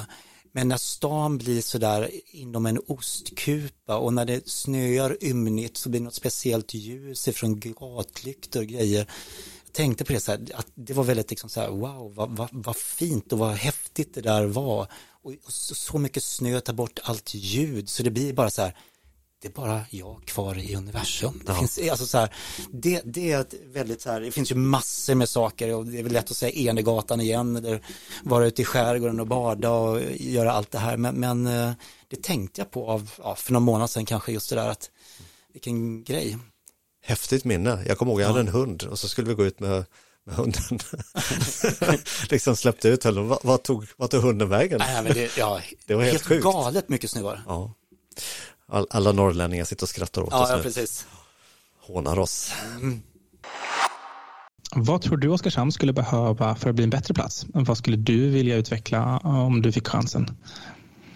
För att bli en bättre plats? Nej, men för få människor, alltså så här, många alltså, känner ju till Oskarshamn, ja just det, det är ju när jag åkte till Gotland eller åkte, alltså skulle dit och det så har man stannat eller passerat igenom här. Alltså man skulle riva E22 mellan norra och södra infarten så att all trafik, alltså tvingar man in i Oskarshamn och sen så ser man till att det liksom blir trafikstockningar och sådana saker så de är tvungna att stanna här och upptäcka stan mycket mer. eh, egentligen så att, eh, för det, det, är en fantastisk plats men det, det, är väldigt många som har erfarenheten av att, att man åker igenom det. Mm. Eh, så att det... Vi, vi, gör det eller så gör vi en, en stor film om eh, Oskarshamn och hur häftigt det är här och sen kommer alla vilja åka hit. Men alltså, jag, men jag, jag, nu, nu får jag sånt där moment, alltså så här nutidshäxor, ingenting så här, åker omkring i svarta klänningar och konstig hatt på huvudet och krokig näsa och, och eh, liksom en, en, kvast som flyger omkring utan alltså det, det, lite, det låt en rätte komma in liksom så här, fast mm. nutids då kopplat till Blåkulla som har någonting som sker här. En natt i Oskarshamn så är det andra här. Vi gör mm. den filmen. Vi pratar med Amanda, men vi tar det på en lunch i Stockholm tror det att det, kommer, det blir svinbra. Ja, fan, jag vill vara med på lunchen känner jag nu. Du får med filmen. Du kommer behöva statister. det är bra. Nu är det alltså dags för ett litet quiz som testar hur mycket Oskarshamnare du är egentligen. Åh, oh, det var jobbigt. Min parkering har gått ut, jag måste gå. Ehm, du får, du får eh, ta den där p-båten om den kommer, för ja. du kommer inte undan nu. Eh, men så här, eh, Magnus kommer ställa fem frågor till dig. Och eh, då är det så här att poängsystemet är lätt. Alltså första frågan ger en poäng, andra är två poäng och du kan samla upp som mest 15 poäng. Mm. Och får du 15 poäng så är du då kvalificerad för att bli 12 skillingsgeneral. Får du 10 poäng eller... Coolt. Ja, det, ja mm. det, det, är ett mål. Mm. Ja, 10 poäng, då är det en extra Oskarshamnare, 6 poäng, en Oskarshamnare potential och 5 eh, poäng eller under, ja, men då är du tyvärr underkänd. Så att, eh, ehm, ja, lycka till mm. säger jag. Magnus, kör igång. Mm. Ja, men jag tror du har att... tagit fram elaka frågor nu, jag lovar. Nej, nej, nej. Jag, jag, tror faktiskt eh, med utgång från det här samtalet så tror jag att du har goda förutsättningar att klara dig långt i alla fall. Eh, redo? Fråga ett. Den här måste du kunna, annars får du skämskudde. Vad är Latitud 57? Ja, det är en mus hamnfestival, musikfestival. Ja, det är bra. En poäng. Jag har biljetter på den. Ja? Jag har biljetter på den. Ja, härligt, ja. härligt. Fantastiskt. Um, då, har du, då har du klarat yes. eh, skamgränsen där. Eh, fråga två.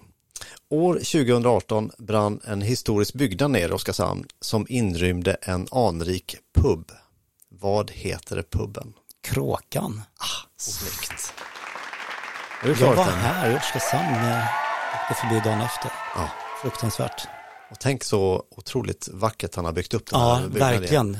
Det, det, är man inne, inne i puben så tror man fortfarande att man är kvar i Ja, jag har inte varit inne, men det, det är fantastiskt utanpå. Ja, Jättefint. Otroligt snyggt. Eh, fråga nummer tre. I Oskarshamns skyline finns varvets gamla bockkran. Vilken färg har kranen? Grön. Ah. Det ser bra ut det här Stefan Säller. Ja? ja, men full pott. Ja. Hur mycket fick Amanda?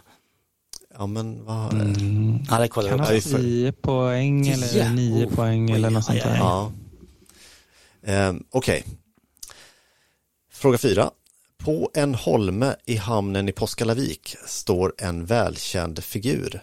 Vad är det för figur? Ja, det vet jag ju. Um, jag ser den framför mig med den där gubben.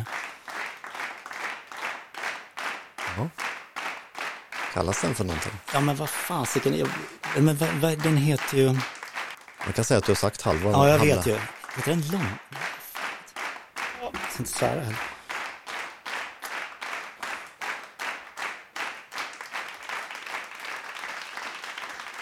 Kan man få halvt rätt? Långa gubben. Nej, vad jag har ju... Vad var det för färg? Röda gubben. Röda gubben. Är det Ja, det är det. Ja, det, ja, men jag, jag, jag ser svarta du, hatten och byxorna är väl svarta. Ja. ja men jag, ja. Um, konstnären Arvid Källström som har gjort gubben. Det hade jag inte kunnat Nej. Eh, säga. Så men, hoppas inte men, det. men Stefan är ju enväldig domare här, så han ja, får okay. ju avgöra nu om du kanske inte fick alla poängen, men kanske ett eller något. Bjuder jag på lunch eller ska vi dela på lunchen? Okej. Okay. Ja, vi, vi, ehm, jag skulle säga att du faktiskt, nej men vi måste nog faktiskt ge dig två av fyra på den, ja, men du hade halva. Ja. Halva. Magnus hjälpte till lite för mycket. Så att, jag, jag, jag är också snäll. Du är på åtta poäng nu. Är du ändå, så åtta poäng, okej. Okay. Mm. All right. Fråga nummer fem. Axel Munthe är en välkänd Oskarshamnare. Han uppförde en villa på ön Capri i Italien. Vad heter villan? San Miguel. San, San Miguel. Det, det, är ju alltså snubblande nära rätt. Jag vet inte vad domaren säger. Eh, rätt svar är San Michel. Ja, San Michel.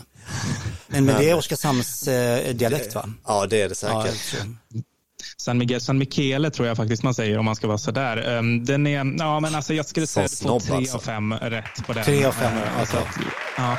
Så tar upp dig på elva poäng ju. Och det gör ju att du är bra bit över gränsen för att vara en äkta Oskarshamnare alltså.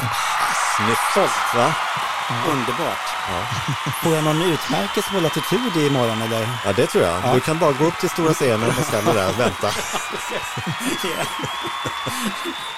Jättebra. Men eh, tusen tack eh, för att du ställde upp på quizet. Eh, trots att du kanske får en p-båt nu, vem vet. Ja. Eh, men eh, tack för det här samtalet också. Det har varit helt eh, otroligt kul att få träffa dig. Detsamma. Jättehärligt att vara här. Ja, jätteroligt. Och vi har ju en avslutande fråga då. Mm. Eh, och det är ju, har du något tips på en, eh, en ny poddgäst som vi ska träffa? Just det, för det, mm, ja det har jag. Eh, och det, det, det, är lätt att man har sagt någon då som eh, är i den här branschen, eh, nu har jag haft Amanda och mig här, men Patrik Res. Ja, han står på listan. Han står på listan. Det är ett bra namn. Okej. Okay. Mm. Så att, um, Superspännande namn. Mm. En entreprenör som är säkert spännande att höra, skulle ja. jag vilja höra mer om. Det vill vi också. Mm. Ja, men, han ska med. Han ska med, ja. Stort tack Hasse. Tack själva. Jättetrevligt att vara här. Och till alla er som har lyssnat, eh, tack för att ni har lyssnat på Användarpodden den här veckan. Ehm, med det säger vi eh, tack och hej.